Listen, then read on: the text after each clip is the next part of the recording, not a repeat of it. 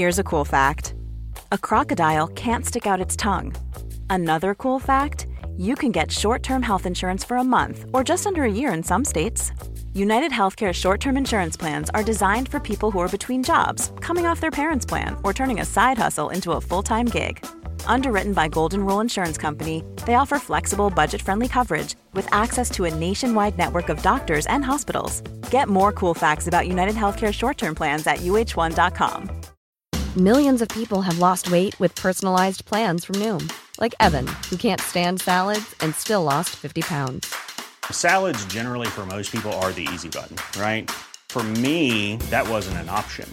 I never really was a salad guy. That's just not who I am. But Noom worked for me. Get your personalized plan today at Noom.com. Real Noom user compensated to provide their story. In four weeks, the typical Noom user can expect to lose one to two pounds per week. Individual results may vary. Velkommen til den siste rekommandert-podkasten før det blir en måneds avbrekk for uh, sommerferie. Det skal handle om uh, sankere. Velkommen tilbake i stolen, daglig leder i Norges sopp- og nyttevekstforbund, Pål Karlsen. Takk, takk. Takk, takk. Kanskje vi burde begynne med å definere sankring litt. Hva er det du legger i ordet? Eh, det er å gå ut i den ville naturen og ta med seg hjem alt som måtte være spiselig. Ok, Hva som helst, så lenge det kan spises? Ja. Og ikke er giftig? Nei, du kan godt ta med litt som er giftig også. Det er alltid interessant. Okay. Kan du si noe om uh, forskjellen på sanking og f.eks. jakt og fiske? For det er jo også å gå ut i naturen og ta med seg noe som er spiselig. Det er jo to uh, veldig beslekta ting. Men jakt og fiske er mye mer eh, målretta. Du lurer og, og, og kikker og, går og prøver å fange noe som er i flukt. Og det er også mye mer regulert eh, med eh, lover og regler og fiskekort og jaktkort og geværer og, og feller. Jeg vet ikke hva man trenger for å jakte og fiske. Så det er en, er en, en veldig mye mer utvikla og regulert del av det å bruke den ville naturen til mat enn det vi har. Vi lever i en ganske eh, vill og anarkistisk verden der det fortsatt er lov å gjøre nesten alt. Eh, snakker du da om det som en god ting? At sankeren kan gjøre hva ja, den vil? Ja, det er klart. Det er jo ja, Er det ikke det, da? Er ikke det jo, kjedelig synes det er helt fantastisk. Ja, jeg, har jo litt, jeg er jo litt sånn eh, ambivalent i forhold til at vi i det hele tatt sitter her og snakker om det i dag. Ja. For jeg tenker at eh, hvis noen får uh, ørene opp for at uh, dette kan reguleres. Tenk om de plutselig finner på å gjøre det. For det er litt unikt at vi bare kan gå ut og plukke. Det er klart det er det. Men altså, jeg tror nok at det kommer til å bli regulert. Alt mm. dette kommer til å bli regulert. Og vi ser det nedover på kontinentet. USA, eh, England. Mye mer regulert. Mye mer private skoger, mye mer forskjellig. Vi er veldig heldige som har en allemannsrett som er så åpen for alle å gå ut og ta det man vil.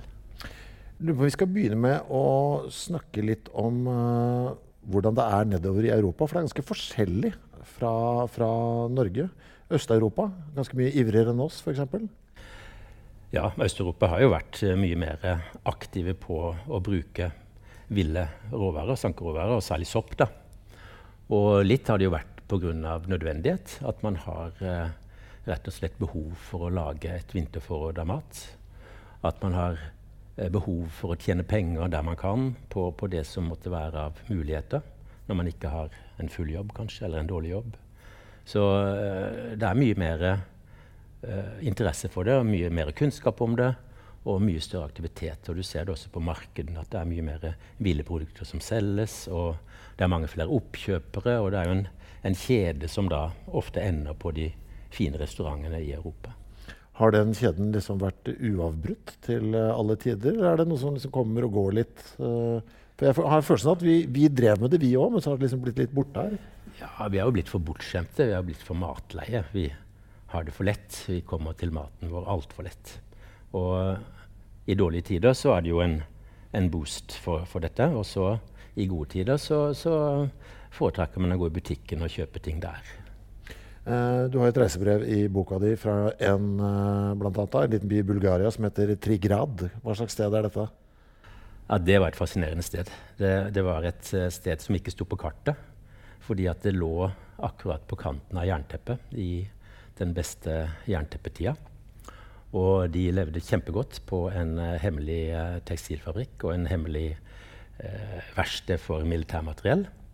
Og alle hadde jobb der, og det var lykke og, og flott. Og, og, altså rett oppe på fjelltoppen så går grensa til Hellas.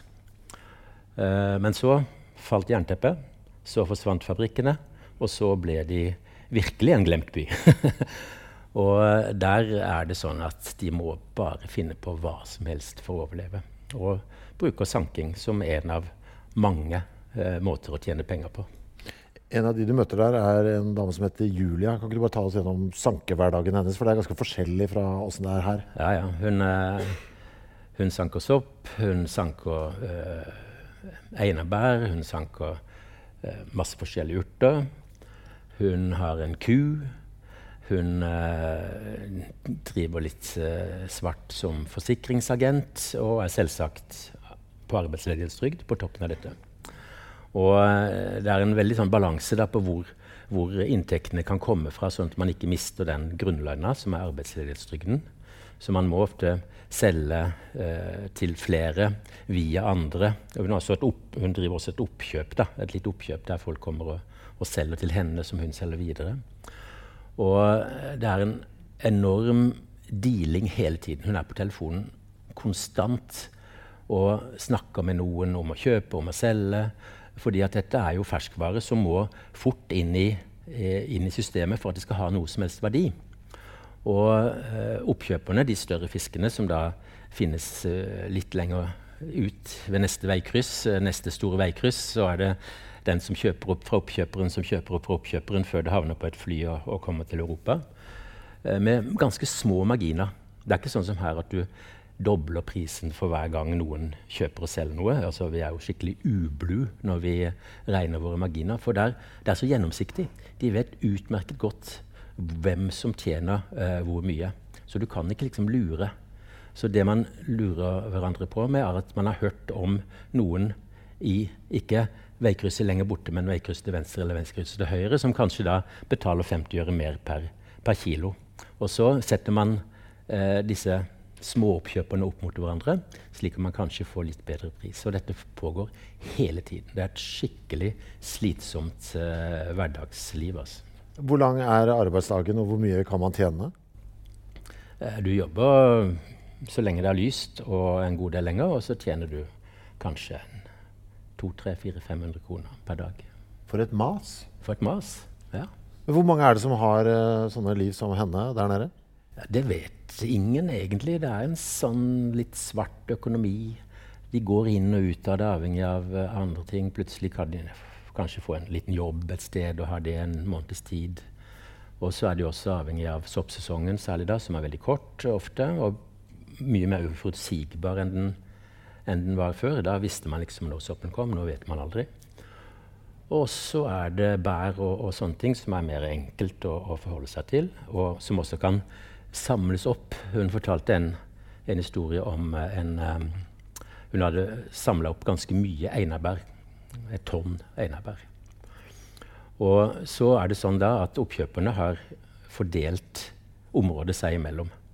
Altså rent sånn mafiavirksomhet. Eh, sånn at de tillater ikke da at det kommer nye oppkjøpere og selger, eh, kjøper på, i det området. Men hun, hun, da, hun, solgte litt til denne her oppkjøperen som kom med lastebil, men holdt tilbake kanskje 700 kg. Og, og uh, prøvde å finne noen andre som hun kunne levere det til, som var litt lenger borte. Og uh, klarte da etter hvert. Og, og, dette er sånn hennes fortelling om den dagen alt gikk bra i kveld, og hun tjente da kanskje fire-fem ganger så mye på disse 700 kiloene som om hun hadde solgt det til den kjipe drittsekken som var først i køen. Men hvor viktig er uh, sankingen i forhold til inntektene hennes, hvis uh, hun ikke hadde hatt det? Ja, Den er ganske viktig. Um, I Bulgaria så er en, uh, en dagslønn på en fabrikk kanskje altså 200-300 kroner. Nei, 400-500 kroner, unnskyld. Og, og da på en god dag så kan de dra inn kanskje Nei, unnskyld, i måneden. Eh, 400-500 kroner i måneden. Og på en god dag så kan de dra inn hele det beløpet på å plukke steinsopp f.eks. Så dette er jo betydelige penger for dem. Det er det. Så det er, her, eh, det er på dette man får pussa opp uh, huset? Ja, altså eller, ekstra liksom? eller reist det. Ja. Mm. Er hun selv ute og plukker også? Eller? Ja, bare, nei, nei, nei, nei, det er, og dette er Alle jobber sammen. Og det er noen ganger utrolig vanskelig å forstå hvem som kjøper og hvem som selger, og når det skjer. Så uh, det er helt fantastisk å henge med denne gjengen. Det er det. Eh, sopp er jo så lunefullt. Vi har jo snakket om sopp her tidligere, du og jeg. Man kan liksom aldri føle seg helt trygg på at den dukker opp der den skal, og når den skal. og sånn. Høres ut som en veldig risky business å basere risky. livet sitt på. Ja, ja. Og det er jo klart at også da alle vet at man får et, kommer til et tidspunkt der man må selge. Fordi at den mister all verdi plutselig hvis man sitter og, og bare venter på den beste prisen. ikke vel? Og uh, det går jo da la oss si fra den dagen det plukkes til den dagen det skal være på markedene i Europa, så er det jo bare to-tre dager for steinsopp. Uh, og særlig kritisk er de første fasen der de ikke har kjølerom. Det er jo først når man kommer til kjølekjeden at man har en snev av kvalitetskontroll. Og den er langt unna Julia og Trigard. Den er sikkert én til to dager etter det. Hvor kjapt må hun bli kvitt henne for det er krise for henne? Det er samme dag. Ja, det må, må, må ut på kveld. Ja, ja. Så hun kjøper inn, eh, setter en stopp når hun vet at det ikke kommer mer, og så begynner hun å reise rundt. Og så er det hvor langt skal hun kjøre? Eh, hvor mye tjener hun på å bruke fem liter bensin ekstra? Eh, så dette er, altså dette er små marginer. Dette er ikke et liv for meg. Er det ikke? Nei, for dette hørtes bare slitsomt ut. på et eller annet. Eh, det hørtes veldig slitsomt ut. Ja, det er kjempeslitsomt. Ja. Uh, du møter jo flere i, i næringskjeden her, bl.a. en fyr som het uh, Si det riktig Mitigo Dimyar. Uh, Mitko. Mitko ja. Dimyar. Mm, ja. Som er da en forretningsmann liksom litt lenger ute i næringskjeden. Hvordan er hverdagen hans? Uh, den er jo også fra fire om morgenen til langt på natt. Uh, han kjører rundt da i en, lastebil og kjøper opp. Uh, han kjøper liksom av Julia, på en måte? Ja, av Julian, ja, alle Juliane. Mm. Og, og, også direkte plukkere. Jeg traff han via en skikkelig slesk bulgarer i, i, i Brussel som drev med oppkjøpet. Hadde et sånt firma der. Virkelig sånn Du kan tenke deg sånn urslesk dealer Eh, virkelig eh, forferdelig. Men eh, altså, han var jo oppkjøper for, for Mitko. Og, Mitko dro ut på faste steder. Forutsigbarhet er jo viktig. Kjøl. Han måtte være på broa klokka fire hver dag, for da kom de inn, og da kunne de selge til han. Og han hadde en halvtime da. Og så dro han videre opp til eh, Anton, som var en, en, agent for han, som kjøpte opp, eh, litt som Julia, da, eh, fra de lokale der, og fikk 50 øre per kilo ekstra eh, for at Mitko selv skulle slippe å, deale med alle. Og så er det tilbake til eh, anlegget der han samler. Og så er det sortere, og noe må eh, kuttes opp og tørkes med en gang. Noe blir frosset, noe blir lagt ned til eh, flyfrakt, som da er eh, fire-fem timer unna i Sofia før det går til Så dette, det, det, det går bare i en evig, evig runddans. Men hvor viktig er det at han liksom rekker flyet og sånn? Hvis dette plutselig Ja, det tapper, tapper masse. Ja, så han, ja. Fly, et forsinka fly er helt krise? Ja, det er det. Ja. Det høres jo så veldig lite glamorøst ut, og jeg så jo bilder også. Det ser jo også veldig lite glamorøst ut. Det er absolutt lite glamorøst, ja. og de elsker det. Eller de Altså, kanskje har de ikke så mye valg, men de har litt valg, skjønner du. Men det er noe, dette tror jeg er noe som Enten at det blir sittende i blodet, eller at det sitter i blodet før de begynner. At det er en, en egenskap de har, en glede av det å ut og, og finne ting. Og selv de fattigste syns jo det er morsomt. De blir glad når de finner en stor stein, steinsopp. Ja, de måler den i, i, penger og vekt, men likevel er det en sånn glede der, altså. Det er det. Hvor mye av dette ender opp på tallerkener her hjemme, tror du? I Drammen? Mm. Ja, i Drammen uh, Eller si Oslo, da, for å være litt raus. Dette er jo kjøttbyen, vet du. Ja. Det er jo en del, altså hvis man går på f.eks. på um, uh, Jacobs på Majorstua. Uh, de har f.eks. Fossen steinsopp i fryseren. som, som er fra Italia. Og, og, det er denne typen ting, da. Helt klart. Uh, ellers er vi fortsatt litt tilbake her da, på dette. Det er nok mye mer nedover i, uh, i Europa. Og man ser vel heller da at Skandinavia begynner å eksportere disse varene sørover enn at de sørlige varene kommer hit. Fordi at vi har jo bedre utgangspunkt her. Vi har enorme mengder. Eh, altså I forhold til Bulgaria, Italia, Frankrike og, og, Spania, som jo er store sankeland, der folk går mann av huset, og det er kommersielt, og det er hobby, og det er liksom en, en, stor greie, så er det jo ingenting i forhold til det vi har her på en god eh, sesong. Vi velter oss i dette her uten å vite om det. Men hvor regulert er det nedover i Europa? Uh, er det en hvit økonomi, skattestad, dette? Er det, det er jo det som er motstanden, mye av den offentlige motstanden mot sanking. Det er jo to ting. Det ene er mattrygghet. Selv. Det vil man ha kontroll med. Det er tilsyn gærne. Og det andre er skattemyndighetene som ikke liker kontanter i det hele tatt. Og dette er jo en, en kontantøkonomi. du går ut, plukker, leverer, får pengene i hånda og går hjem og er fornøyd. Altså en skikkelig gammeldags økonomi som jo er utrolig tilfredsstillende. Når fikk du sist penger i hånda? Sikkert på en rockekonsert. Uh, det var noe Kom jeg i trøbbel nå? Det kom, noen, det kom noen hundrelapper i handa på en, en, konsert med White Urine. Eh, for, Oi. Ja, ja. Der ser du. Men de, ser du. de, skal rapportere. Men, ja, men, føltes, men, du likte det når du fikk det? Det føltes fantastisk. Ja, mm, det var jo helt Oi, cash! Ja, mm, men det er jo noe rart med det. Det er noe rart med det. Altså. det, er det. Akkurat som det føles som det er gratis penger. Mm. Men så er det også uh, litt mafia. Altså, uh, fordi at det er en kontantøkonomi, så bruker man det også til å hvitvaske penger, svarte penger.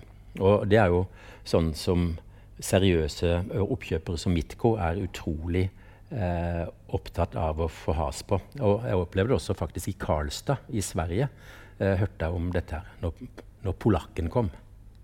Eh, for polakken betalte mye bedre enn den lokale oppkjøperen, og betalte kontant.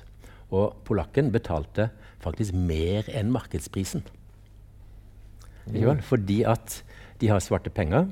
De kan pøse ut de eh, og få noen varer tilbake som de selger med tap. Ikke Det er som å kjøpe vinnerbongen på Bjerke. Ikke Du kjøper den for høyere pris eh, fordi at du tross alt betaler en liten avlat for å få lov til å ta ut da, de lovlige pengene hvitt.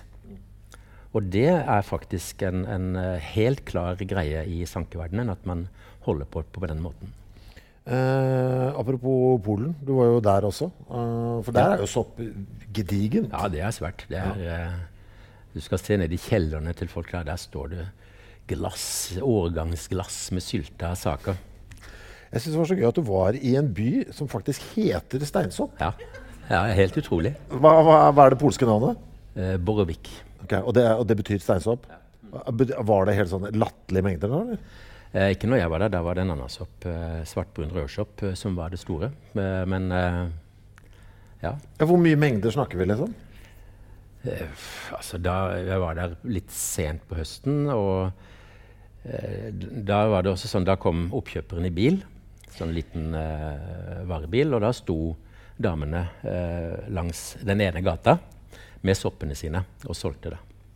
Og jeg vet ikke I løpet av en time da så var det kanskje en uh, 200-300 kilo sopp som ble omsatt. Fra den ene bilen? Ja. Mm, altså, det var det de hadde plukka da den formiddagen. For da går de ut om morgenen, og så kommer bilen sånn midt på dagen, fordi at den skal jo videre, og den skal mange steder, og den skal inn til et kjølelager etter hvert. Så eh, det er liksom veldig sånn regulert, da. Eh, vi snakker bare om Europa nå, egentlig mest for å beskrive hvor forskjellig det er fra her eh, hjemme. For ingenting av dette Uh, altså, svære biler hvor folk står og kjøper og dealer ute på en liten grusvei. Og en fyr som skal få av gårde noe sånt med et fly. Og, altså, det styr, og det er noe einebær og bla, bla, bla. Altså, det, det, er ikke sånn vi holder på her. Er, kan du si litt om uh, de norske sankerne? Hvem er de? For det er, det, det, er, det er, en helt annen verden her hjemme. Ja. Uh, nede i Europa, i det fattige verden, så er det jo for å tjene penger. det er litt det her også. Men jeg vil jo si at de norske sankerne i mye større grad er kunnskapsarbeidere De kan mye mer om det de skal sanke. De kan mye mer om biomangfold, de kan mye mer om bærekraftig sanking. Eh, de er ofte pedagoger, de er formidlere. Den ene dagen er de ute og sanker som idioter, og neste dagen uh, har de kurs for kokker. Uh, og tredje dagen tar de med andre mennesker ut på tur for å lære å, å sanke det ene og det andre. Så det uh, det er en ganske, ganske brei kunnskap. Det er utrolig fint å se at den sankemiljøet i, i Norge er så kunnskapsrikt. Mer enn Sverige, syns jeg. Du, jo, du liker å dele inn i fire typer sankere her. Kan ikke du ta oss gjennom de fire? Ja. Eh, det er litt sånn omtrentlig, men ja, ja. Eh, du har jo hobbysankeren, da. Sånn som kanskje du, som går ut og plukker en nype i ny og ne. Mm. Eh, og så har man eh, livsstilsankeren, som da er den som skal spise sunt og leve av sporstoffer og mineraler. og la kroppen boltre seg i alle antioksidantene som de ville plantene og soppene bringer inn. Eh, og så har du proffsankeren, som eh, lever kommersielt. Og så har du den gamle typen, da, som vi kaller matauk-sankeren. Altså, det er jo en tradisjon i Norge på dette her som har kommet bort de siste tiårene. For matauk er jo et, eh, det er faktisk ganske vanskelig å, å oversette. Når jeg prøvde det rundt omkring på reisen. Og I Norge har vi en rik tradisjon på matauk. Oh, matauk, ja. Foraging. ja. Nei, det er ikke det heller. Liksom. Det er noe annet. Er, eh, matauk er et ganske flott ord eh, som vi kan være stolte av, og som vi skal eh, synes er litt kjipt har blitt borte. For altså, Jeg er jo eh, født i 1960, og, og, vi var jo alltid på tyttebærturer da jeg var liten. Det var en storslått uh, opplevelse. Vi reiste naboer mange, altså fire, fem, seks biler langt opp i Froland, og ofte enda lenger. Med bøtter og spann. Og, og kom hjem da med altså Når man hadde mindre enn ti liter, så var det en dårlig tur på landet. Men uh, det var jo morsomt. Tyttebæret, har det forsvunnet litt? eller? Jeg syns ikke det er så mye babbel om folk som skal ut og plukke tyttebær lenger. Nei, Det er fordi at matauken er borte. Du kjøper det jo på ja, butikken. Men Har det gått litt av moten også? Litt? Uh, ja, det har det kanskje. Jeg føler jo moltene fremdeles er Moltene er med. Blåbærene seiler opp. Men ja. jeg tror nok tyttebærene er kanskje the big next berry. Hvis du vil være i forkant av uh, utviklingen. Hvilken av disse sankertypene regner du deg som? Uh, jeg er uh, Jeg skifter fra dag til dag. Mm. Ok. uh, hva er det vi sanker mest av her i Norge? Hva er det det går i? Uh, Matøksankeren holder jo på med, med molter og blåbær og tyttebær fortsatt. sopp begynner å komme opp. Planter er fortsatt ganske nytt. livsstilsankeren er nok ganske mye opptatt av, av planter. Uh, sopp begynner å komme inn der også, fordi det er så mye fokus på sopp. Og det er så mye spennende man, man lærer seg om sopp. Vi vet jo på ingen måte alt om, om sopp som mat. Da. Det er mye, mye, der som vi lærer. Hobbysankeren er uh, også en, en, uh, en type som, som, dukker mer og mer opp, som har lyst til å ha litt kantareller og litt grann løvetann. Altså én gang i året av det typen sanking. Uh, og så er det proffsankerne som, som uh, begynner å komme. Det er fortsatt ikke mange, men uh, det begynner å bli et miljø rundt dem. Når du snakker om kaller for proffsankere, er det folk som da lever av, av, det? Ja, ikke, de lever ikke av bare det. Det er fortsatt, akkurat som nede i Europa, en del av, av mange inntektskilder. Men det er jo det at folk i Norge har jo blitt mindre trygghetssøkende, og det er mange flere frilansere som lever i en blandingsøkonomi og ikke har behov for noe fast jobb. Og for de passer jo sanking helt perfekt. Og miksen med undervisning og, og opplæring og, og, utviklingsarbeid er helt perfekt. Hvor mye sankes det her i landet? Har du en følelse av det? Ingen peiling. Um, den største sankeren, sankebedriften i, i, Norge er Trøndelag Sankeri. Starta opp for en tre-fire år siden og har gjort det veldig bra. Uh, drives av en som heter Jim André Stene. Og han har uh, jeg tror det er 180 forskjellige produkter han selger. Altså, og dette er råvarer. Og uh, han pusher ut i fjor tror jeg ca. fem tonn av forskjellige ting. Og la oss si at han står for en 10-20% av alt i Norge. Da. Så det er jo fortsatt ganske smått i volum her i landet. Altså, har han masse små Julier da, som går rundt og plukker for seg? Ja. Mm. Og det er, det, er, det er, veldig morsomt, fordi at uh, da jeg begynte å, å, gå i dette miljøet, så, så, ble jeg veldig fascinert fordi at det var annerledes folk. Det var skikkelig mye. Det var folk som var uføre, det var folk som var psykisk syke, det var uh, narkotikabelasta folk. Altså dette var et sted der de fant frihet. De kunne holde på akkurat som de ville uten noen sjefer. Eh, naturen er faktisk ganske bra for folk med ADHD. Det er en, en ro der som, som, de har, selv om de løper rundt som propeller. Så er det en sånn paradoksal ro de opplever. Og jeg tenkte at her hjemme, når, når sankemiljøet begynner å utvikles, så så vil det jo være vanlig kjedelige A4-mennesker der også. Men så er det faktisk denne gjengen der også. Altså er, hvis sankere er en yrkesgruppe, så er jeg helt sikker på at de er altså sankere og fengselsinnsatte er en yrkesgruppe, så er de helt på linje med antall ADHD-ere og uføre. Altså, jeg ser noen så klare paralleller til bandlivet her òg. ja, ja, men det er det. Fordi ja, ja. Liksom, det, det, er også et sted hvor det er uh, veldig greit at du kanskje ikke er helt uh, så, som resten. Og så med litt flaks så er det inntekt nok til å betjene boliglånet. Men neppe. Du må like det, liksom. Hvis ikke så har det ikke noe der å gjøre. Jeg er jo litt skuffa uh, over deg. Fordi ja. at uh, ja, men takk for det. Jeg prøvde jo å, å, å lokke uh, The Dogs ut på en en akustisk soppturkonsert. Oh, ja. det hadde vært morsomt. Og hvis publikum her vil det, så gjør jo vi. Hvordan skal dette foregå? selv for? Skal vi gå rundt med tromme på magen og spille? Ja. Du kan, kan, du kan spille akustisk. Jeg, har aldri gjort det før, men var det, var det tanken? At vi sånne, skulle tusle rundt? Du har jo sånne store spann som du kan tromme på. da. Når er det dette skal skje? Det må bli til høsten, i tyttebærsesongen. Ok, jeg skjønner. uh, uh, ja, altså. Jeg sier ja, ja, hvis resten er, er med. Vi, vi, er, vi, er, seks stykker. Jeg tenker jo at det er lettere å være sanker i, nedover i Europa. Litt av grunnen til at det er mer der nede, da, har noe med klimaet å gjøre. Vil jeg tenke. Fordi at her oppe så er det det er utrivelig seks måneder av året. Det er ikke riktig. Det er faktisk uh, lengre sesong her nå fordi det er tørt. Ja. Uh, Italia, som har vært det store store steinsopplandet, uh, men veldig forutsigbar sesong for steinsoppen. Mm. Det er jo fullstendig kaos. De vet jo aldri når det kommer. Og det er på ingen måte så mye som det var før. Mens uh, her oppe har du også problemer med tørke etter hvert, men det er faktisk en sesong der du kan sanke fra eh, april til eh, ut nå, kanskje november. Til og med langt ut i desember. Kan vi begynne på vinteren å sanke tang og tare. Eller vintersopp. Vintersopp? Vintersopp. Den har kjempebra sesong rundt uh, jul. Under snøen?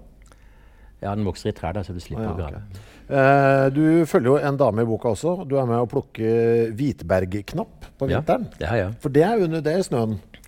Ja, den vokser når det ikke er snø også, da. Men, ja. eh, men når man vet hvor den vokser, så kan man da børste bort snøen og, og klippe den av og ta den med. Og så tiner den, og så er det en flott liten sukkulent garnityr på din uh, delikate rett som du serverer gjestene, og skryter. Ja, for det er litt av det jeg syns er litt sånn interessant der. ikke sant? Fordi hun du følger der, hun leverte bl.a. til Maemo. Ja. Til uh, den uh, restauranten der. Og da føler jeg at ble, jeg, jeg, blir jo litt sånn interessert. at her, okay, her har det vært en dame, børsta bort litt snø og plukket opp noe greier uh, fra under snøen. Leveres, og så kommer det på matfatet, og så spiser vi det. Altså, Hvor viktig er hele det opplegget der med å kunne at kokken kan liksom fortelle en historie?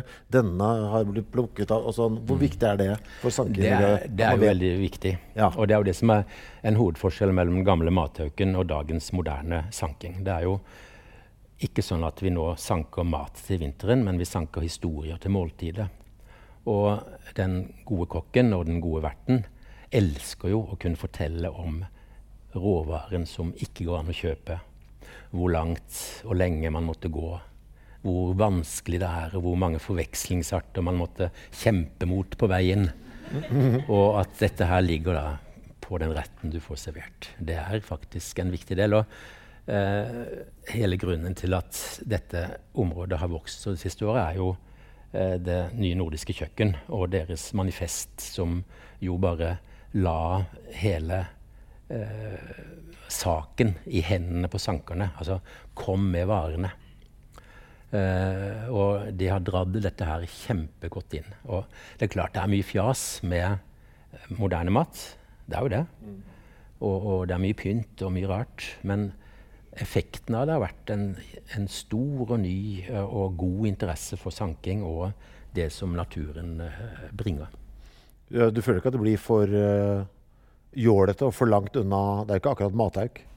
Nei, det, selvsagt er det Man kan stå og, og se på rettene med forakt iblant. Ja. Men likevel er det interessant. Det ja. er jo, de tar jo, For de er åpne. Ikke vel? Sånn som eh, mange sankere de har jo et nært forhold til kokker. Og kokkene kan jo ingenting. Og, og de er jo så i starten i hvert fall så, så bestiller de jo sopp om vinteren og, og grønne ting i, i, i eh, midt på, til julesteika. Altså det, de kan ikke nok om det fordi de er vant til å kjøpe alt mulig hele tiden fra butikken og grossisten.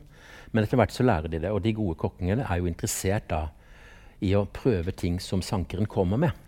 Så det er også en stor forskjell mellom den gammeldagse, den europeiske tradisjonen og den skandinaviske. Der det er like mye sankeren som kommer med råvaren som et forslag til kokken, som at kokken bestiller og gir et oppdrag til sankeren. Og det gjør jo at dette her er en mye mer interessant og utviklende eh, sfære å være i og jobbe i. Men hvordan er det det foregår, sånn som hun dame med den Hvitberg-knappen som børsta mm -hmm. fram under snøen og leverer da til Maemo?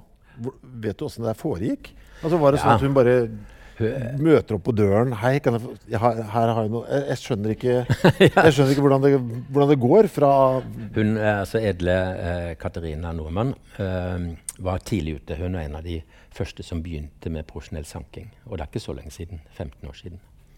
Og hun er en, en ekstremt systematisk person. Så hun sanker, og så sitter hun på kvelden og natta og, og klipper og sorterer hvert eneste blad og legger i sånne, sånne Claes Olsson fiskeslukbokser. vet du. Eh, og leverer det sånn at det er ikke en boks med masse oppi. Det er ett og ett blad som hun har valgt ut som er perfekt. Som hun da får 1,50 pluss moms for per stykk. Men hvordan er det dag én? Altså, jeg tenker på, Ringte hun til Maemo? Hei Ja. Så det er sånn man kan gjøre det, liksom? Ja. Og så er det tvegassverd, fordi at uh, de vil gjerne være med på tur, også de kokkene. Og så lærer de jo uh, og gjør det sjøl, ja. ja. Mm.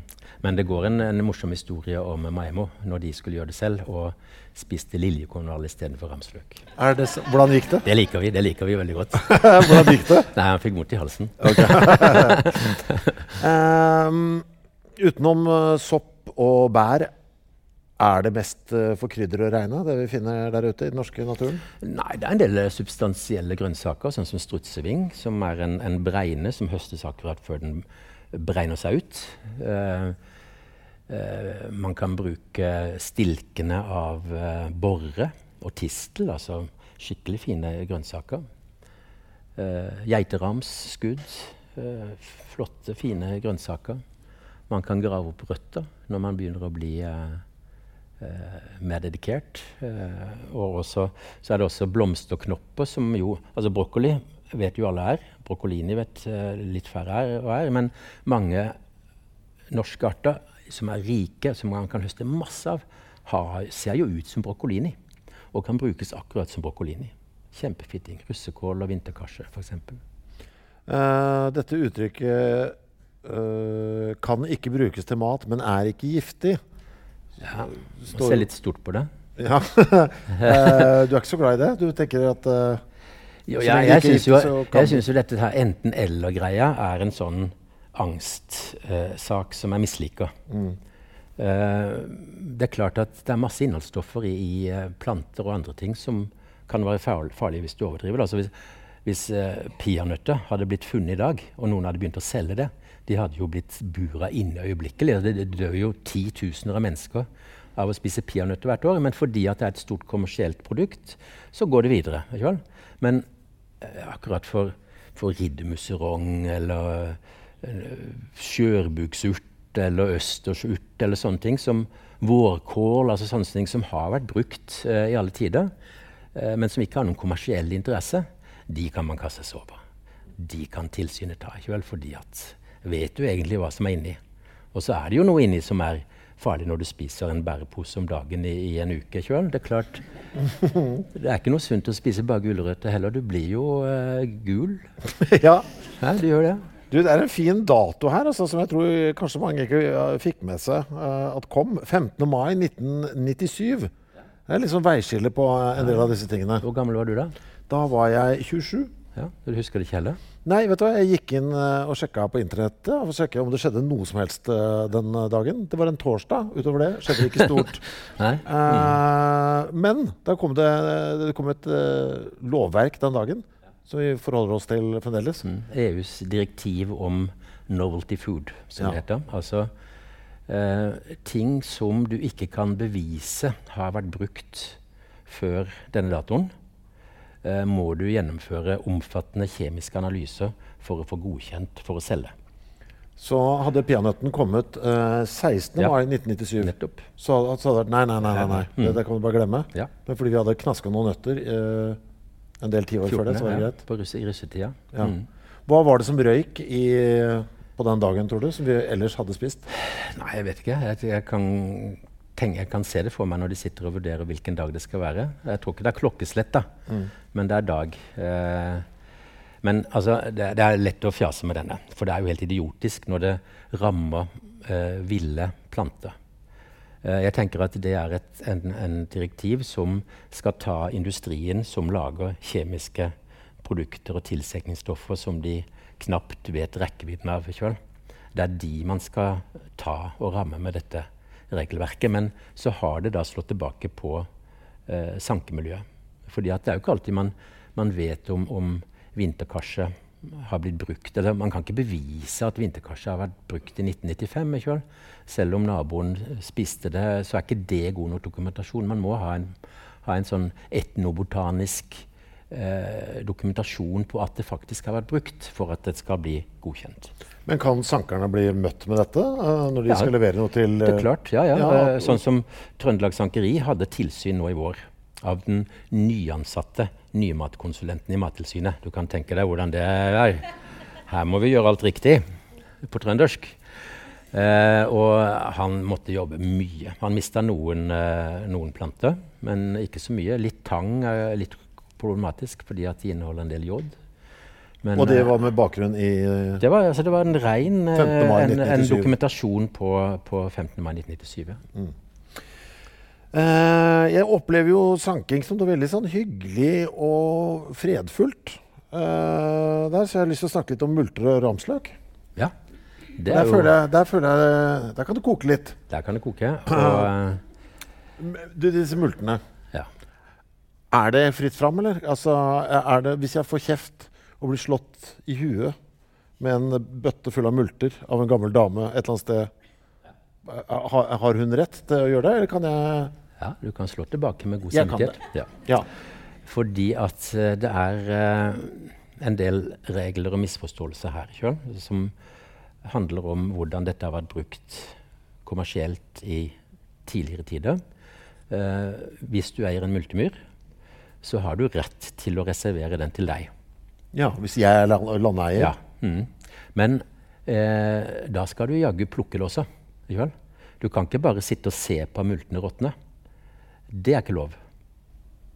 Nei. Uh, og du kan ikke bare selge for 200 kroner til uh, den lokale Coop-en. Det kan du ikke. Det er ikke nok. Da er det ikke nok økonomisk begrunna for at du begrenser andres allemannsrett. Ok, og Så jeg må kunne bevise at jeg driver kommersielt på ja. denne min egen lille multemyr? Ja, ordentlig. Ikke bare liksom kommersielt, men ordentlig. Og uansett kan du ikke hindre folk i å sette seg ned på, på moltemyra er å spise så mye de vil mens de sitter der. Nei, Selv om jeg driver kommersielt? Selv om jeg driver kommersielt, ja. Dette er med bakgrunn i allemannsretten? Dette er i bakgrunnen med allemannsretten. ja. Og ikke bare, men det er også eh, det er noe som heter at man ikke kan hindre noe som har ubetydelig økonomisk eh, tapspotensial, eller noe sånt. Altså dette gjør juss.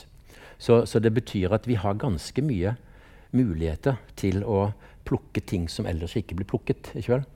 Og jeg syns det er et ganske sunt regelverk eh, at man sier verden er full av mat. Ingen kan sitte og passe på den til den råtner. Du har rett til å gå ut og hente den. Og jeg synes Det er helt fantastisk, for det er masse mat der ute. Og vi skal ikke være redd for å, å, å høste det. Det er jo ganske rart at man må søke om fiskekort og jaktløyve inn på andre personers tomter, men du kan plukke hva enn som gror der. Det er jo litt rart. Oppleves iallfall som litt sånn ja, todelt. Er vidunderlig rart. Ja. Mm. er det litt uh, unikt uh, norskt, eller? Eh, nei. Allemannsretten er ganske uh, bredt ute. Men det er, det er jo da begrensa på En del har jo gjerder og selvskudd og alt det der. Så de, det er regulert ganske mye andre steder. F.eks. England er jo helt jeg tror det er noe så 80 er, er privateid. Og, og, der har man bevegelser som heter Right to Rome, og som driver med systematisk eh, trespassing. Ikke vel? Søndag, eller det 15. mai, eh, kommer vi og tar denne skogen. Altså Da går de inn i skogen og, og bruker den. Uh, og det er en sånn markeringsgreie som er ganske interessant. Men det er ulovlig i Storbritannia, og, men lov her? Ja, her er vi ikke Jeg tror ikke det er noen skoger man skulle være redd for å gå inn i for å høste i det hele tatt. Men det er ganske uvanlig mye skog i Norge som er privateid, er det ikke det? Jo, det er det. I forhold til andre land? Jo, jo. Mm. Er dette noe du tror kommer til å holde seg sånn? Eh, om det er privateid eller om allemannsretten? Nei, om allemannsretten Jeg tror at den kommer til å Den står ganske støtt. Og det er jo mye Eh, mange krefter som jobber nå med å få allemannsretten inn i Grunnloven f.eks. Norsk Friluftsliv holder på med det og har møter med politikere og driver med lobbyvirksomhet for det. Og det er inne som et forslag, men vi vet fortsatt ikke om det går gjennom. Uh, men jeg er helt sikker på at det kommer til å bli mye mer av at skogeiere ser verdien av dette potensialet som er å høste sankeråvare. Og det syns jeg er fint. Og, og fordi at uh, dette handler jo om å ta vare på, på mat, ikke bare fordi det er eh, mat som erstatter mat man kjøper i butikken, men fordi det er kunnskap om eh, den spiselige naturen som er utrolig verdifull å ha. Fordi vi har jo begrensa oss så enormt mye på hvilke planter vi satser på. Vi har liksom en håndfull planter som står for 75% av all matproduksjon i verden. Altså de store grassartene, hvetebygg, eh, poteter og ris og palmeolje og sånt. Og på sopp også så er det jo eh, sånn 85% av all sopp som omsettes i verden, er fem arter.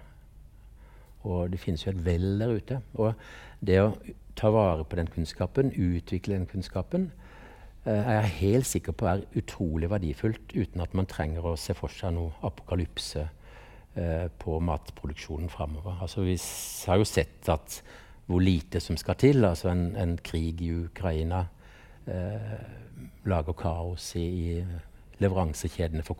Ikke Og eh, det er ikke det at vi har sankeråvarer som erstatter ukrainske kornlagre, men kunnskapen om det er det helt utrolig viktig å bevare. Fordi at en eller annen gang trenger man kanskje egenskapene til en vill art som tåler mer eh, tørke, tåler mer salt, tåler skygge, tåler cesium 2000, eller hva det måtte være. Men altså, hvor mye kan vi ta ut? Altså, Ramsløk, ble ikke den rødlista nå? Ramsløk ble rødlista. Og, og, Som er en av de hotteste tinga? Ja. og Jeg, jeg syns det var en kjip ting å gjøre. Og jeg mener det ble gjort på feil grunnlag. Hvorfor det? Eh, fordi at man så seg blind på eh, byen av høsting. Altså, hele signalsaken der var jo at noen ikke gadd å reise lenger enn med trikken opp til Ekeberg for å plukke i et naturreservat. Altså ulovlig. Det er ulovlig å plukke hva som helst. Da. Det er jo miljøkriminalitet. Altså, man trenger ikke å rødliste noe for det på toppen. Og så er det liksom rykter om at uh, noen har sett noen som har gått med sekker av ramsløk uh, gjennom skogen og sånt. Og, og Det er ikke noe problem. Altså, det er så mye på Vestlandet og veldig mange steder i Norge så er det så mye ramsløk at, at uh, det går ikke an å, å utrydde den. Altså, mitt ramsløksted er på, på uh, Skal du si det før? Ja, si det. Nedover i Drammensfjorden, oh, ja. på Hurumsida. Kjempefint sted. Altså, det er jo ikke noe å si det. Altså, du kan kjøre der det står ramsløk i, i, i grøftekanten. Litt vanskelig parkeringsforhold. Må gamble litt på at det ikke kommer noen biler når du svinger inn og ut. Men det er jo en liten risiko å ta. Og der er det masse. Og der har jeg vært mange år, og det blir ikke mindre der. Og der er det mange som høster. Ikke norske, da. Jeg var der nå i år, og da, da er det sånn typisk. Så treffer man en gruppe på to thailendere og en gruppe på tre thailendere.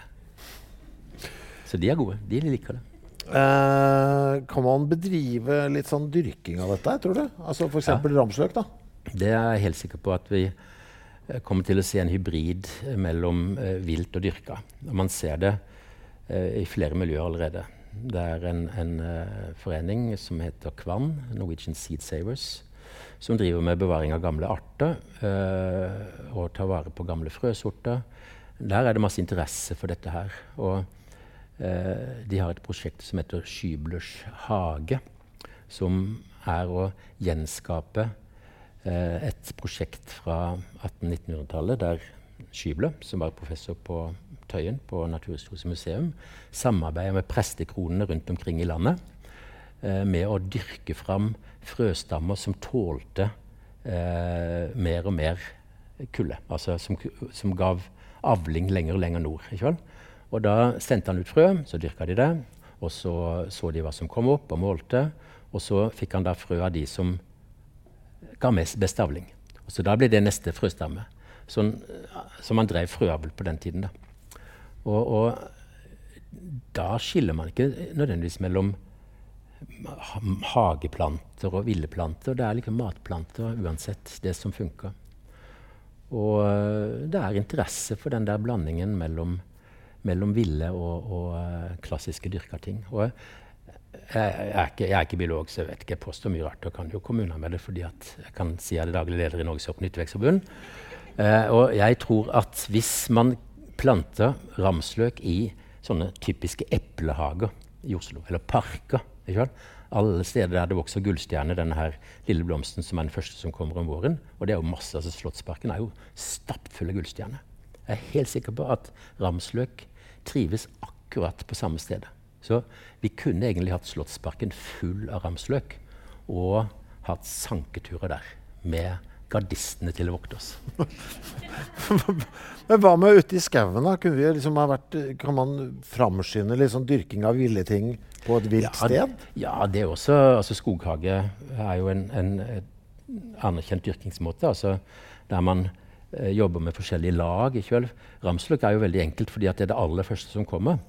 Og øh, den 15. mai, f.eks., da er den ofte ferdig. Eller på vei til å bli ferdig. Så da kan neste plante komme. Og så er det øh, busker som vokser litt høyere, og så er det trær oppe. Og alle disse kan jo bære mat på forskjellige nivåer og til litt forskjellig tid. Så det er jo eh, en mye mer bærekraftig måte, for de trenger ikke denne gjødslingen som andre åkre trenger. Og det er jo igjen disse, disse bøndene, nei, disse skogeierne som sitter bare og ser på trærne vokse. De kunne jobbe med teiger innenfor sine skoger med sånne ting. ikke sant? Legge til rette for det og legge til rette for det. Og så kunne de plukke selv og, og levere, eller de kunne ha familieplukking av ramsløk. Og, og, altså, det er så mye man kan gjøre som, som vi ikke vet om ennå. Vi må snakke litt om uh, penger her etter hvert. Men kanskje vi skal begynne med å si noen ord om Sverige og blåbær. For der ja. er det mye. Mye det blåbær. Mye. Det er mye blåbær. Mye mer enn her? Uh, ja, det er mye mer. Altså, det er jo disse her uh, flate landskapene oppover i Nord-Sverige som er de kjipeste landskapene som finnes. det er jo ingenting der. Bare mygg. Men der er det blåbær. Og for en 15-20 år siden nå, så begynte man å se den kommersielle verdien av dette her. Og da tenker man at dette er kjempefint, dette er attåtnæring for, uh, for svenskene. Men de gadd ikke plukke, akkurat som vi. Er det lenge, hvor det er lenge siden du også plukka blåbær for salg? Oh, ja. ja, ja. Mm. Og det er liksom ikke nok penger i det. Men så begynte man å eh, samarbeide med Thailand. Og etter hvert har det blitt en stor og, og etablert og velregulert industri. Der eh, i juli så kommer det 3000-5000 eh, mennesker fra Thailand opp til Nord-Sverige. Eh, de har med seg eh, mat, alt de trenger av thailandsk mat. Kokker, alt mulig. Eh, og bor på nedlagte forsamlingshus og skoler, fordi de blir jo også lagt ned i, i Nord-Sverige og bare sto for fall. Men har satt i gang da lokale entreprenører. Så der bor de. Og der er det mottak. Og så har de kjøpt opp alt som finnes av uh, utrangerte pickup-trucker med plass til fem personer og et lasteplan bak, som kjører rundt da i disse uh, skogsbilveiene og plukker blåbær. Og det er sinnssvake mengder.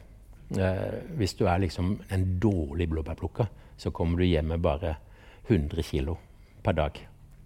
Og når jeg var der, så var det en som hadde plukka 300 kg blåbær på én dag. Det er mye blåbær. Og de har minstelønn, så de tjener godt. Men de vil jo ikke ha det som eh, lønn fordi at de jobber på akkord og tjener mye mer. Og kommer hjem eh, til Thailand etter tre måneder med, med mange årslønner, eh, lokale årslønner. Det er klart, man kan alltid diskutere eh, det sosiale aspektet ved sånn eh, industri som det. Men Mitt inntrykk er at det er bra. Det er bra for Thailand. Altså er, skal man fordele penger og si at blåbærene er, er svenske og bør, pengene bør brukes i, i, Sverige, så kan man mene det. Men hvis man ser litt større, så kan man si at blåbærene er globale, og pengene skal brukes globalt. Ikke? Det er ikke noen grunn til at det er svensker som skal forholde seg til de pengene. Men det er store penger, da. Og det er jo Hvor mye penger snakker vi om? Det er, eh, det er milliarder mm. i penger. Altså hele den økonomien. Ikke førstehåndsverdien, da, men Men det er også interessant da, hvordan dette produktet er også globalt. Fordi at det plukkes hver dag, veies inn, settes på kjøl. Uh, eller settes på kjøletrailere som kommer hver dag. Og de kjører ut av Sverige. De kjører ned til Baltikum, de fleste. Og der blir eh, blåbærene fryst inn i store innfrysningslager. For man kan jo ikke selge alle blåbær i verden ut på markedet med en gang, for da raser prisen fullstendig. 20 blir brukt ferskt. Så 80% blir solgt til innfrysing. Og så blir det solgt ut gjennom året i konteinere som går verden rundt. Veldig mye havner i Kina, eh, der man utvinner eh, 1-2% av vekta, som er det blå stoffet eh, antocyane, eh, heter dette stoffet, som er veldig veldig sunt og helsebringende. Eh, så sunt at det kommer tilbake til oss som blåbærpille. Så, som vi kjøper jo til en god del eh, høy pris. Så det, jeg syns det er fascinerende. Og det er jo helt idiotisk. Thailendere kommer til Nord-Sverige, plukker blåbær, sendes til Baltikum, sendes til Kina, kommer tilbake hit. Men også, jeg synes jo, Du skrev i boka di at det er bare 2-5% av volumet som naturen lager, eh, som blir tatt ut. Av blåbærene der oppe. Og det er allikevel så store summer. Nesten ingen eh, av de pengene blir igjen i Sverige. Det høres ut som Sverige, og vi òg, helt garantert, dummer oss litt ut her. Altså er, hvor mye kunne vi ha tatt ut? Hvor mye hvor mye er forsvarlig å ta ut tror du, av blåbærmengdene? Vi dummer oss for så vidt ut, men vi er gode på fisk, da. Ja, mm. Men på blåbær? ja. ja. Uh, jeg har ikke peiling på blåbær i Norge. Ja, hvor mye kunne vi ha tatt ut, tror du? Hva, hva, hva, hvis... ja, det er ikke, altså, vi, har ikke, vi har ikke de forutsetningene på blåbær. Nei. Vi har ikke det. Men, men prosentvis, hva, hva kunne Sverige ha tatt ut? De tar ut to til fem. Hva er forsvarlig? Oh, ja, ja. Eh, ja, Det er jo også veldig diskusjoner, da, men man sier opp mot 20 er i hvert fall bærekraftig. Ja. Og så er det da noen som er redd for at småfuglene ikke får nok bær og sånne ting. Men det er jo da, da begynner man jo å komme til en sånn diskusjon bær versus uh, tømmer her. Hva er, ja. er mest, hva, er, hva er, mest, lukrativt når det ja, blir sånne summer? Ja, ja. Og blåbær er jo litt Er det sånn at det kan nærme seg? For tømmer er jo big business. For, for, blåbær er litt paradoksalt, for blåbærene vokser jo bedre når du har hugd bort uh, ah. og tyttebær også, så uh, vi kan ikke bruke det eksempelet der. Men Nei. sopp, derimot Ja. um, Da kan det kjempe mot når, du, når du hogger tømmeret, så ødelegger du for soppen. Fordi at den lever i, i, i, i symbiose, trær og sopp. Og der har man gjort eh, en del forsøk etter hvert og, og prøvd å sett hvordan man kan dyrke sopp i skoger og høste det. Og det, det er jo faktisk ikke verre enn å tenke på trøffel.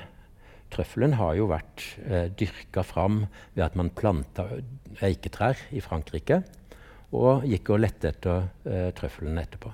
Så det har vært brukt. Men i New Zealand så har det vært et eksempel eller et forsøk der man har, i, har, har furuplantasjer.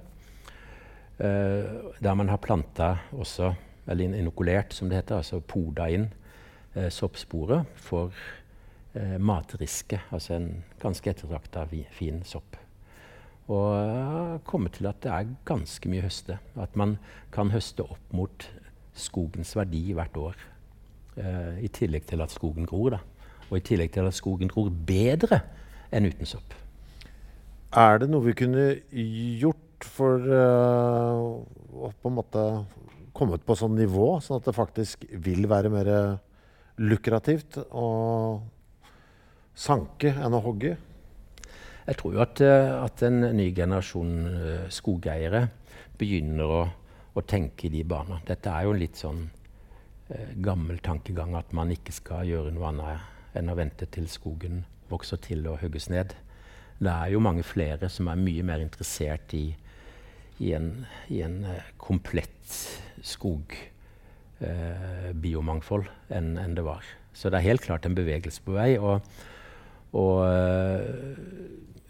flatehugsten kommer til å fortsette en god stund, men den er litt sånn på vei til å bli moralsk kansellert. Eh, du, du kan ikke skryte av at du har flatehugst et, flatehugget et, eh, et område lenger. Hvor eh, krise er det for sankeren at det blir flathogst? Ja, det er krise. Da må du bare holde på med geiteramse og, og bringebær i, i flere år, og det er kjedelig. Ja. Hvorfor er bringebær så kjedelig? Kjedelig når det er bare det. Det er, jo- det er jo kjedelig å plukke bær, da. Oh, ja. Og du kan ikke bruke eh, bringebærplukker engang. Finnes det? Nei, det gjør ikke det. Jeg vet ikke. Eh, føler du at sankingen er på vei opp eller ned eh, her hjemme? Er vi Den er absolutt på vei opp. Ja. Men er det litt for at vi skal smykke oss med det? Altså kunne liksom eh, skryte, litt, skryte litt? Helt klart. Ja. Og det er greit. ja, du syns det? Ja. Hadde sankingen, har sankingen blitt litt reddet av Instagram? ja, garantert. Det er jo, litt, eh, det er jo det er, sosiale veldig bra. medier. Ja, ja, ja. Ja. ja, det er kjempe... Ja, det er bra, det. Ja. um, det er jo jeg skal ikke si to sider her, for det er jo ganske, det er jo ganske fred og fordragelighet her. Men kan vi komme uh, i en sånn situasjon at vi får litt sånne fronter? eh, de som mener at vi skal gå ut og plukke alt det naturen gir oss, og de som sier vet du hva, nå må vi gi naturen litt fred her, fordi den har fått kjørt seg så veldig i det siste. Jeg kan liksom se for meg at det kan skli Ja. litt sånn ut òg. Helt klart. altså Det er ikke noe, eh, er ikke noe stor, stor sak eh, i Norge, men den, den plopper opp iblant. Merker det. F.eks. I, i, vi har eh, i vår uh, liste over spiselige planter har vi f.eks. Maria Nøklebånd. Og da kan man plutselig få Nei, jeg melder meg ut. Jeg vil ikke være med i en forening som sier at man kan spise Maria Nøklebånd, som er rødlista. Men som vokser i store mengder i enkelte steder. Ramsløk-saken har også vært en sånn eh, polariserende ting her. Og eh, det er jo noe med naturvernets vesen som kommer fra en sånn be veldig bevaringstanke. Eh, det var der den oppsto i USA på 1800-tallet, at man skulle bevare eh, skogene mot eh, alle disse settlerne som, som bodde der. Det, det jo, da kunne man, hvem som helst kunne bosette seg hvor som helst og, og leve av og ta ut tømmer og drepe dyr og hva de ikke? Det, det kunne man gjøre. Så uh, naturvernområden oppsto jo der for å bevare det og, og, og, og skjøve ut de som bodde der fra før. Man skulle kunne gå i naturen, i den ubesydde naturen og kikke.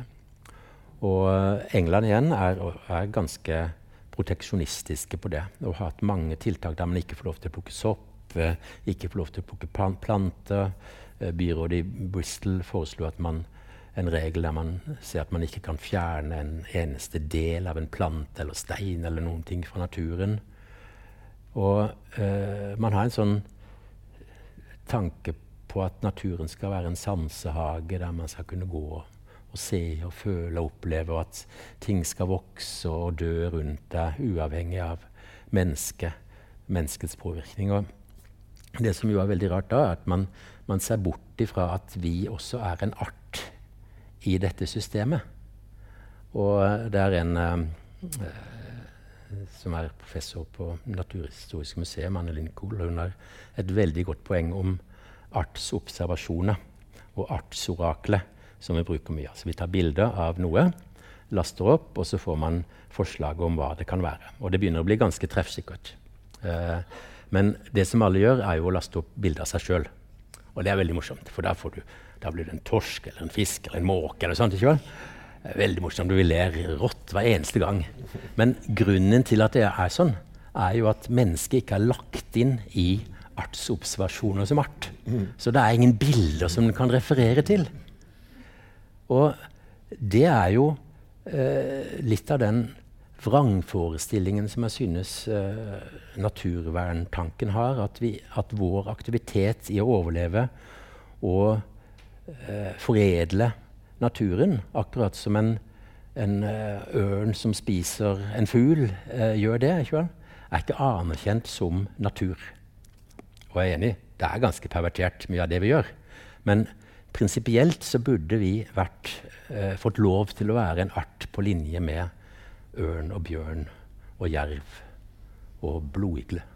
Det, Men eh, det handler jo om et ønske om å være og oppføre seg litt sånn bærekraftig da, når man er der uh, ute.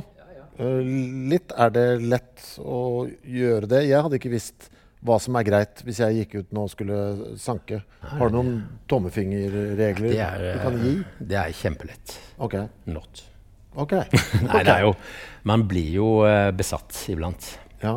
ja. Hvis jeg hadde kommet over et sånt helt dundrende godt felt. Så. Jeg pleier å si at sankere er litt som uh, Donald Trump. Mm -hmm. uh, og det som hans uh, tant, kusine, kalte han altså 'too much and never enough'. Ja. det er også sankerens onde side. Det er det. Men det handler om kunnskap. Det handler om hvor lenge du skal holde på med dette. Altså en, en profesjonell sanker er mye mer åpen for det enn en hobbysankeren eh, som bare skal ha én gang, ikke vel, som ikke tenker noe hva som er videre. Proffsankeren eh, vil selvsagt foredle sitt sted fordi at han eller hun skal tilbake dit hvert eneste år. Og er det noe sankerne er opptatt av, så er det forutsigbarhet. Kort reisetid. Rett på. Få det inn. Få det ut. Og, og sånt. Altså, det å, å, lete etter noe som sanker, da dør du eh, før du eh, har eh, tjent 1000 kroner. Altså. Men hvis jeg er ute og plukker sopp mm. og kommer over et, sånt, et helt kanonbra felt med steinsopp, kan jeg ta alt? Eller burde jeg la noe stå av sopp. hensyn til at de skal få lov til å spre sporene sine? Nei, sopp kan du ta alt av. Bær kan jeg bare Bær kan du ta alt av. Ja. Til og med i naturvernområder er det jo lov å plukke bær og sopp. Mm. Fordi at det er jo frukter som skal høstes. Men hva med den, der, den rare lille saken som var under snøen, som jeg ikke husker hva heter nå? Hvitbærknapp. Ja, Kan jeg bare Nei. Nei, det kan du ikke. Det kan du ikke. Hvorfor ikke, Hvorfor ikke den? Nei, den, eh, den, kan du uh, utrydde lokalt. Ja. Mm. Så det er forskjell der? Altså alt av bær og sopp, mm. men litt mer nøysomhet med plant? Ja. Altså uh, bær og sopp er jo som å høste epler. Mm. Det, er jo, det er jo eple. Det er jo frukt. Mm. Mens uh, det å ta hvitbærknapp, det er å skjære greiner av epletreet sjøl. Ja. Det er grenser for hvor mange greiner man kan ta. Og uh, det er jo det som er vår bekymring i miljøet. det er den i sankingen. Altså alle de som ikke gidder å reise lenger enn dit T-banen går. Og, og uh, går i flokk til det stedet som noen har markert på, på et kart at det finnes det der. Ikke? sant? og da kan man utrydde det lokalt. Men det er ikke nødvendigvis noe, noe biologisk trussel mot arten som sådan. Fordi at hvitbærknapp vokser i enorme mengder eh, rundt omkring på bergknattene eh, langs kysten.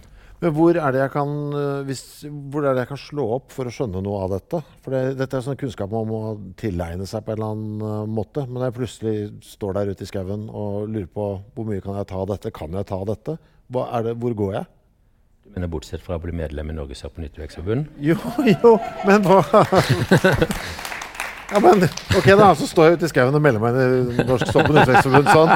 Det kan ikke da, Betyr det at jeg da har fått carte blanche og Jo, da kommer lyset. Ok, ok. Nei, det er klart, dette er, dette er vanskelig kunnskap. Vi vet ikke nok om det, vi heller. Nei. Det er ikke det. Og, og, så dette er Jeg må en, bli eh, venn med noen.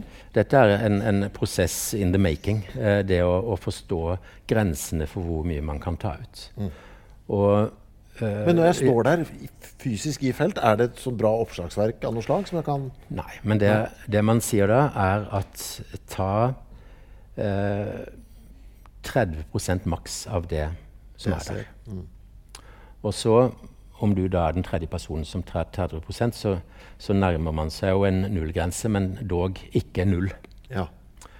Og fortsatt er det så mye uh, å hente rundt omkring at det er lite sannsynlig at noen kommer etter deg før planten er dødd, eller før eh, noe annet er kommet opp der, eller noe sånt. Så Ikke rive opp med røttene, regner jeg med også er Ja, det også. Bortsett fra ettårige planter. De kan jo rive opp med røttene. fordi Men hvordan vet de om noe er ettårig? Altså, du snakker med et barn her når det kommer til sanking. Hvordan vet, det må jeg da helst vite, da.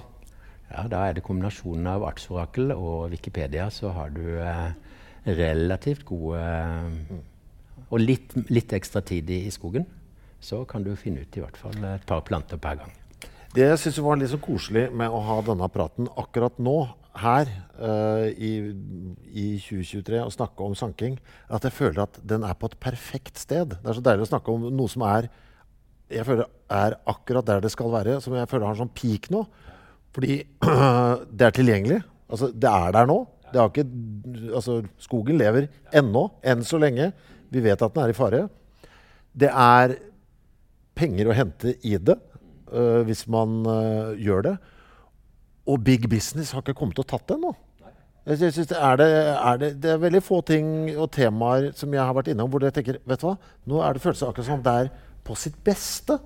Er det en uh, sånn barnslig optimisme hos meg her, eller har du følelse at det er litt sånn Nei, jeg er helt, helt enig med deg om akkurat det. Og det, det som jeg frykter mer enn enn, eh, forbud, altså, eller at uh, skogeierne tar grep og vil bevare ting, det er jo nettopp big business. Vel? Når, når noen kooperasjoner skjønner at dette her, her er det penger å hente, her skal vi monopolisere, her skal vi kjøpe opp. altså Hvor har det skjedd? Fisk. ikke vel? Uh, og, og jeg tenker at uh, framveksten av fiskeriet sånn som vi kjenner det nå, uh, kan man se på og tro at sanking kan gå litt av samme veien. Ikke vel? Eh, men fordi at vi har mer kunnskap nå, så kommer vi ikke til å havne i den fella at man truer bestandene, sånn som man gjorde med fiskeri, om at man gripe inn og forby og sånn. Men eh, jeg er ganske sikker på at det kommer til å bli reguleringer på dette her. Og at man eh, får en mye mer En mindre fri ferdsel enn det man har. En mindre fri tilgang enn det man har nå.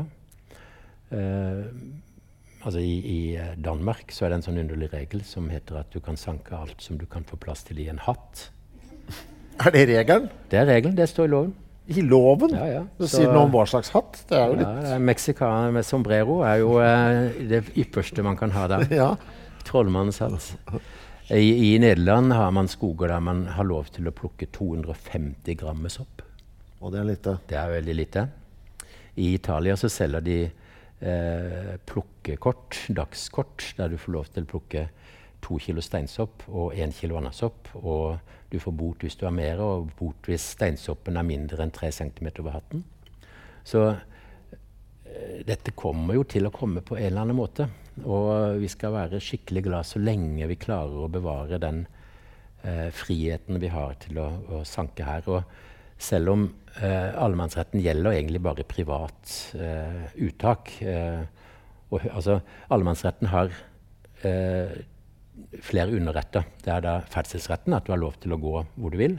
Og høstingsretten, som er at du kan høste alt du vil. Og vi har også en underlig sak da, eh, der, fordi at dette er jo gammelt sedvane. Og i den norske allemannsretten står det at du har ikke lov til å ta med deg nøtter. Nøtter? Det kan du bare spise på stedet. Ja. Du har kanskje hatt med deg hasselnøtter hjem? ja, det har jeg jo. Ja, ja, ja, ja. Der ser du. Ja, Da har jeg brutt loven. Jeg har brutt loven. Ja. Og eh, dette kommer til å, å bli modernisert og oppdatert, og, og, man kommer til å komme til et punkt der det går av seg selv. Og vi i vårt miljø vil jo være i forkant av dette her, nettopp for å slippe at det blir noe som noen kommer ovenfra og sier at nå gjør dere feil. Nå Ja, men vi må jo vi nyte det nå. Vi nyter det nå, ja. Ja, ja, vi må jo bare ut der nå. Det. Og ja, det, altså nå, nå er det på peak. Det er så bra det blir.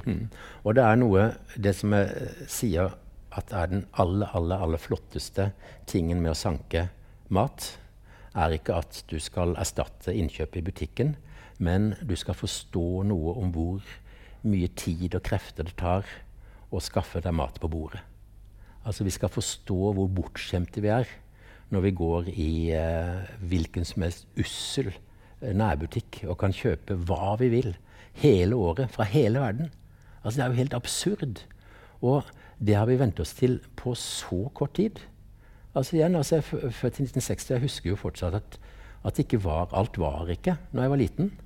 Jeg husker når paprikaen kom. Jeg husker at jeg jobbet på S-laget, så ble jeg tatt til siden da jeg var 16 år gammel. Ja. Dette er brokkoli. ja. Og så fikk jeg en pamflett hvor det sto hvordan det kunne forklare, så jeg kunne forklare kunden hvordan det kunne brukes. Ja, ja. Mm. ja det satte spor. Ja, det satte veldig stor på. Ja. Men øh, nå, da? Hvis vi, noen hører på dette og tenker jøss, ja, vet du hva, dette skal jeg faktisk gjøre når helga kommer. Hva er, det som er, hva er det sesong for akkurat nå? I, Eh, nå, øh, nå er det Nå er det frø, f.eks. Du kan sanke ramsløkfrø nå fortsatt, vil jeg tro. Ja, det er bra. I går eh, la jeg ned russekålfrø på eh, sylta, fermenterte og salta russekålfrø. Det har jeg aldri gjort før. Jeg vet ikke om det er godt, men det er så mange av de. Så må vi prøve. Eh, hva mer er det nå? Det er alltid tang og tare. Det kan du høste. Altså det er mange planter eh, fortsatt. Eh, løvetann, de store. Brennesle. Altså selv om det er liksom de vårurtene man skal ta, så er det masse fint å, å ta nedi, og toppene kan man ta. Og så begynner soppen å komme. når Fant, fant de første steinsoppene på Vestre Gravlund i forgårs. Du gjorde det? Ja. Er det fritt fram? Det var ingen som, ingen som stoppa meg. Hvis jeg ser noen står på grava til min bestefar, kan jeg si Vet du hva, akkurat uh, jeg har litt tette bånd til matjorda her. Kan jeg si det, tror du? Med, eller ja, Eller skal, eller skal du bare være stolt av at bestefar din var så produktiv selv etter sin død? Jo, jeg tenkte at det kanskje var min, da. vet du. Ja, da kan du gjøre det. Nei, det er, det er Men altså Du må gjøre det. Ja. Eh, du skal snart eh, selge noen av bøkene du har tatt med deg rett utafor her. Jeg skal bare reklamere litt for eh, hva som skal skje etter sommerferien. For nå blir det en måneds eh, fri her. Eh, så det blir ikke noe rekommandert i juli, men det blir en i august. Mandag 28. august så skal det handle om blekksprut. Jeg gjetter på at du er en blekksprutentusiast. Jeg liker det. Ja, jeg er også det. Altså. Og det å ha sett blekksprut forandre farge, det er helt utrolig morsomt. Ja. Har du sett det live? Ja. Hvor var det? I Montenegro vi hadde et saltvannsakvarium der noen år. Så fikk vi en liten blekksprut og hadde den der. Og så pirka du på glasset, og så bare tjopp, var den borte. Eh, ja, jeg får besøk av marinbiolog Henning Rød, som eh, kommer her for å snakke om eh, blekksprut. Verdens eh, nusseligste mann, marinbiolog og har vannskrekk. Det er, eh, det er den gøyeste kombinasjonen eh, jeg vet om. Jeg er jo helt gal etter blekksprut, så det kan bli jeg vet ikke, jeg er redd for at jeg kan felle mine første tårer. Altså. Eh, Men det skjer altså mandag 28. august. Eh, nå, god sommerferie til eh, dere alle sammen. Håper vi ses igjen eh, da. En stor applaus til Pål Karlsen.